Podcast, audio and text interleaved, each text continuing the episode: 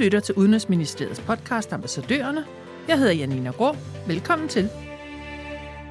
Et år efter coronaens indtog i Europa, taler vi med danske ambassadører om året, der gik i coronaens tegn. Hvad er status for deres europæiske udkigsposter?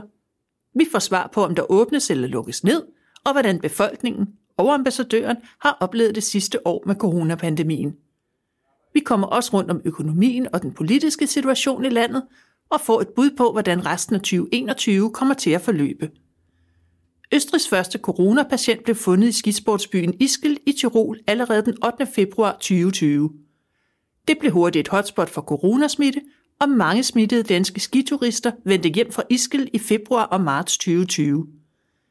Her godt et år efter fundet af den første patient i Østrig er næsten 9.000 døde med covid-19. Landet er officielt i lockdown, og der er udgangsrestriktioner mellem 20 om aftenen og kl. 6 om morgenen. Vi taler med den danske ambassadør i Østrig, René Dinesen. Velkommen til dig, René Dinesen, som er med på telefon fra Wien. Ja, tak skal du have. Hvad har det sidste års coronakrise betydet for Østrig og østrigerne, og for dig personligt?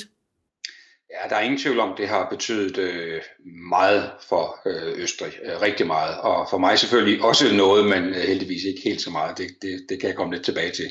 Altså, øh, Østrig øh, er rigtig hårdt ramt, ligesom de fleste europæiske lande er. Men når man går lidt tættere på tallene og ser på, hvordan har den østriske økonomi, og det er jo helt konkret jobs og indtægter og forbrugsmuligheder og andet, hvordan har den østriske økonomi så egentlig klaret sig? Så kan man se, at øh, de står til en tilbagegang i deres økonomi på cirka 7% øh, i, øh, i 2020. Og øh, hvis man sammenligner med, hvor Danmark ser ud til at være på vej hen øh, i de der prognoser, så er det altså faktisk dobbelt, dobbelt så hårdt, Østrig er blevet ramt på økonomien. Det er der mange, øh, det er der mange grunde til. Øh, en af dem er jo blandt andet, at, at øh, Østrig er et øh, turismeland, altså et land, der ikke bare sender øh, turister ud i verden, men også modtager rigtig mange turister. Ikke mindst øh, vinterturisme, men, men sådan set hele året rundt, og det er jo ramt, øh, det er jo en sektor, der er ramt rigtig, rigtig hårdt. Øh, og så er det et, et, et, et samfund, hvor øh, kultur og underholdning øh, betyder utrolig meget også, og det er selvfølgelig også lukket helt ned. Så Østrigerne er hårdt ramt, og faktisk på økonomien også hårdere end Danmark. Og du vil også komme tilbage til dig selv personligt? Ja, men det, det føles måske lidt forkert at tale om, hvor hårdt jeg har det, fordi jeg lider jo ikke nogen stor nød, men der er der ingen tvivl om, at at den dagligdag med, med en, en familie for mig her i, i Østrig, i Wien, og, og det arbejde, jeg udfører, øh, det, er, det er også vendt på hovedet. Altså, jeg kan ikke rejse til de andre lande, jeg har ansvaret for, for Danmarks øh, relationer til, øh, på samme måde, som øh, jeg plejer. Øh, så alle de møder, der foregår i FN og OSCE og andet, det foregår jo på video, næsten det hele. Og meget kan jo gøres på video, men jeg synes også, man man finder ud af, at øh, hvis man ligesom bare i gåsøjne skal fortælle 10 eller 100 andre mennesker, hvad man mener om et eller andet, det er sådan set nemt nok. Men når man virkelig er grundlæggende uenig om noget og skal forhandle noget, så gør det pokkerste forskel, om man rent faktisk er i et lokale og kan sætte sig ned to og to og lige tale om tingene øh, frem for på en videoskærm. Men altså, det er jo, det er jo en udfordring, alle kender, øh, der har et... Øh, der har en dagligdag og et arbejdsliv i Danmark også. Så det er sådan, det er sådan set ikke specielt for, for vin, men det betyder meget for, for den type arbejde, jeg laver hernede også. Og så er det klart, at i, i Østrig, øh, man kan sige, restriktionerne og udviklingen i dem, altså hvor meget samfundet lukket, har vel sådan, mm, det har ikke helt været synkroniseret med Danmark, men det ligner på mange måder noget af det, vi kender fra Danmark. Der har sådan været perioder, hvor det har været lidt mere åbent i Østrig, men der har også været perioder, hvor der øh, har været lukket, lukket mere ned. Og der, hvor vi er i øjeblikket, så øh, er det faktisk lige præcis sådan, at der er områder, hvor der er åbnet mere, men der er også øh, områder, hvor der er flere indskrænkninger. Hvis jeg kan give et par øh, eksempler, så har man i Østrig haft øh, rigtig fine erfaringer med øh, at teste rigtig meget. Det har vi også gjort i Danmark, så jeg tror, at forskellen er, at i Østrig er man begyndt øh, at bruge de her lyntest, øh, antigenteste øh, endnu mere, og jo faktisk øh, sådan, at øh, når man har åbnet for al skolegang, øh, så er det en forudsætning for, at man må møde op i skolen, at man lader sig teste to gange om ugen. Så selv de små poder i 0. klasse fra 0. til 5. De må komme i skole hver dag, men de skal teste sig selv øh, hver mandag og hver onsdag, hvis de vil møde frem. Hvis ikke man ønsker at teste sig med den her vatpind i, i næsen, så, øh, så kan man øh, selvfølgelig stadigvæk få undervisning, men så foregår det hjemme. De ældre klasser fra 5. op til 3.G, de må, øh, de må møde op hver anden dag. Øh, men det her med at teste som adgangsbillet til at deltage i samfundslivet igen, det er noget, man gør rigtig meget. Øh, I Østrig har man talt om den hellige frisør. Det går dybt set ud på, at øh, da man tilbage i november og december opfordrede befolkningen til at lade sig teste i stor stil, så var der mange, der gjorde det, men helt ærligt ikke så mange, som man øh, havde brug for og håbede ville gøre det. Men da man så begyndte at lave sådan nogle ordninger, hvor man sagde, ja, men nu kan du godt komme til frisør, eller kiropraktor, eller massør, eller noget andet, men det kræver, at du har en, øh, en nylig øh, negativ test, det fik for alvor folk øh, til, at, øh, øh, til at blive testet. Jeg må sige, mit, mit halv, efterhånden halvlange hår, det blev altså også øh, stusset på, på den fasong. Ned og få en gratis test, og så hen til frisøren. Du har allerede været inde på, hvad status er her og nu, men jeg kunne godt tænke mig at høre, gælder der samme restriktioner i hele landet? Nej, det gør der ikke. Øh, I Østrig bokser man også med det, mange andre lande gør efterhånden, som man kan se, at øh, udviklingen øh, bliver, er ganske forskellig fra region til region, så bliver det sværere og sværere, dyrere og dyrere, kan man sige, at fastholde den her one size fits all, hvor man har lukket lige meget ned over det hele.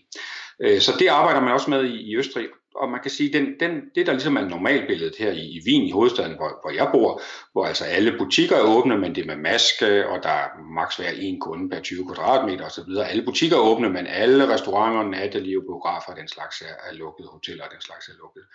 Det er sådan ligesom normalen i Østrig. Skolengangen er, som jeg nævnte, begyndt igen. Det er normalen i Østrig. Men så afviger det sådan set ret øh, markant fra øh, helt ned på kommuneniveau, øh, men også på delstatsniveau, øh, i begge retninger. Så for eksempel i den allervestligste øh, delstat i Østrig, den hedder Vorarlberg, som ligger helt over ved Schweiz og Liechtenstein, der er tallene utrolig lave. Der er man nede på det der, øh, et incidenstal øh, på omkring 50-55, hvorimod i Wien er man op på 250-300. Så i Vorarlberg herover vestpå, der har man øh, simpelthen åbnet restauranter nu, så der kan du gå på restaurant højst til klokken 20 om aftenen, øh, og man skal have maske på, indtil man sidder ved bordet og holde to meters afstand. Men restauranter og faktisk også kulturlivet er åbnet, dog maks med, med 100, 100 øh, øh, gæster per arrangement. Så det er et eksempel på, hvor, hvor der er åbnet mest.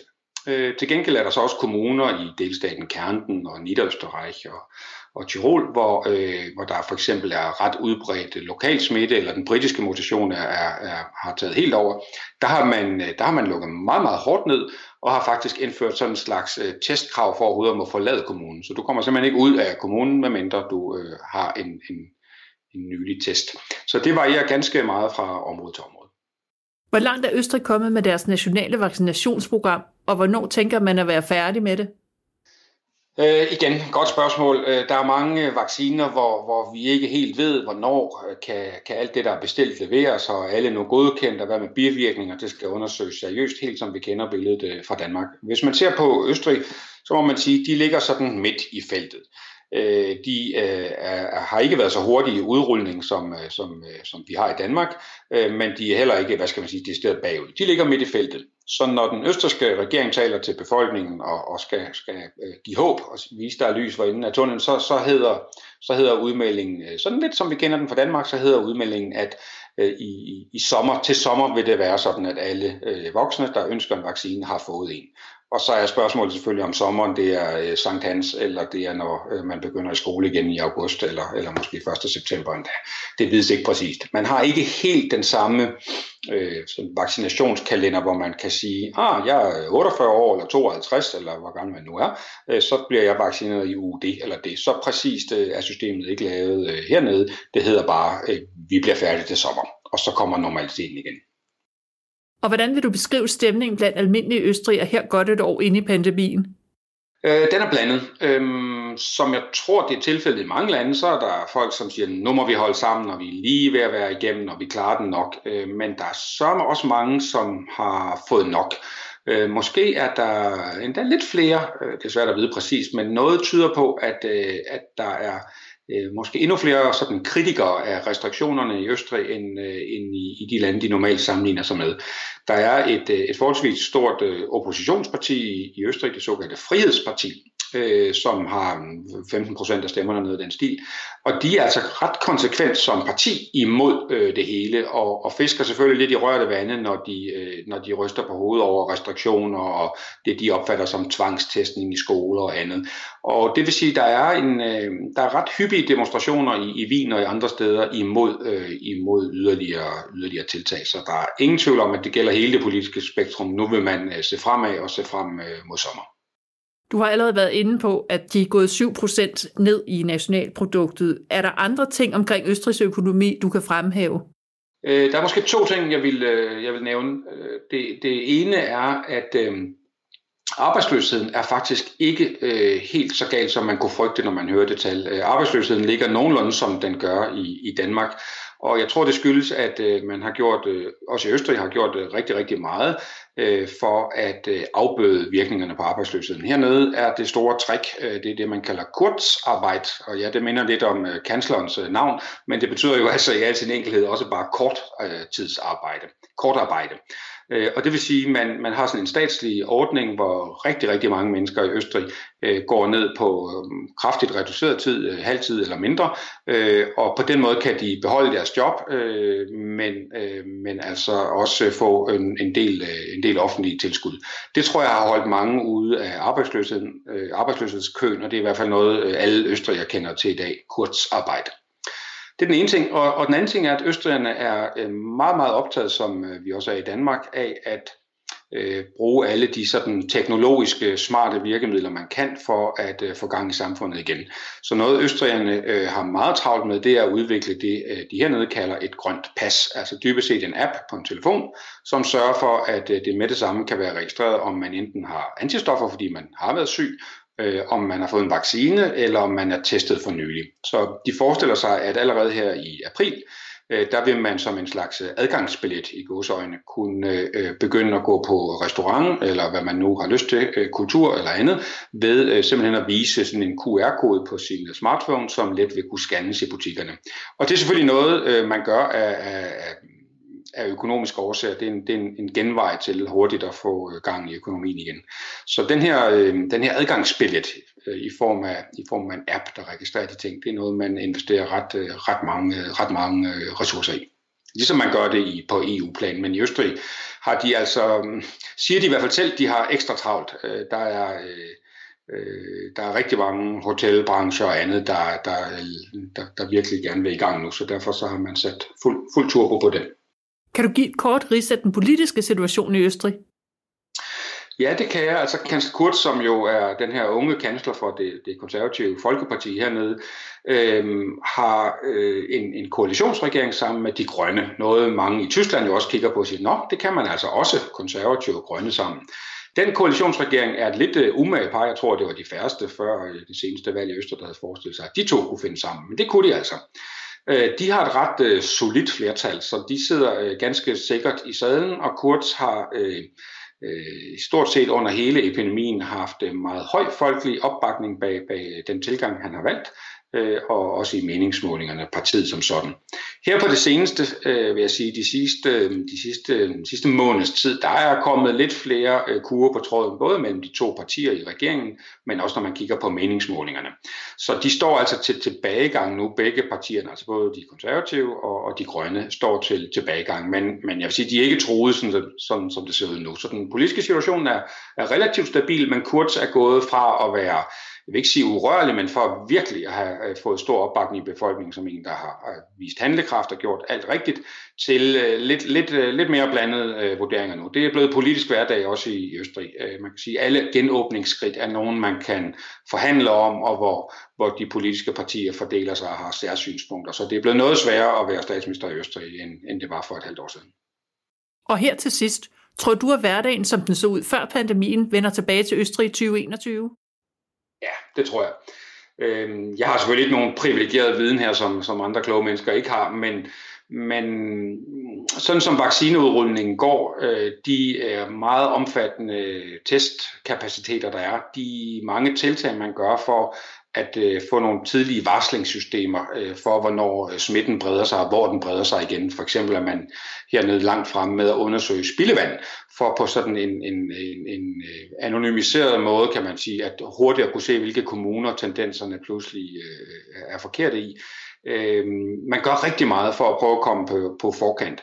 Alle de her tiltag til sammen, og selvfølgelig først og fremmest udrulning af vaccinerne, gør, at, at øh, jeg tror på den anden side af sommerferien, måske endda i sommerferien, der har vi normalitet igen. Spørgsmålet er selvfølgelig, de her mutationer, det kender ingen jo svaret på, vil de være så øh, vil, vil de afvige så meget fra det virusbillede, vi kender, sådan at vaccinerne skal fornyes hvert år, og dermed kommer vi ind i sådan en influenza-vaccinationsmodus, men med, med, med restriktioner. Øh, det øh, er selvfølgelig for tidligt at sige, men de fleste hernede, inklusive mig, tror på, at det bliver hverdag, når vi når, øh, når vi når sommeren. Det var slut på den tredje podcast i miniserien Et år med corona i Europa. Hvis du vil vide mere, kan du følge ambassadøren på Twitter. Tak til ambassadør René Dinesen, og tak fordi du lyttede med.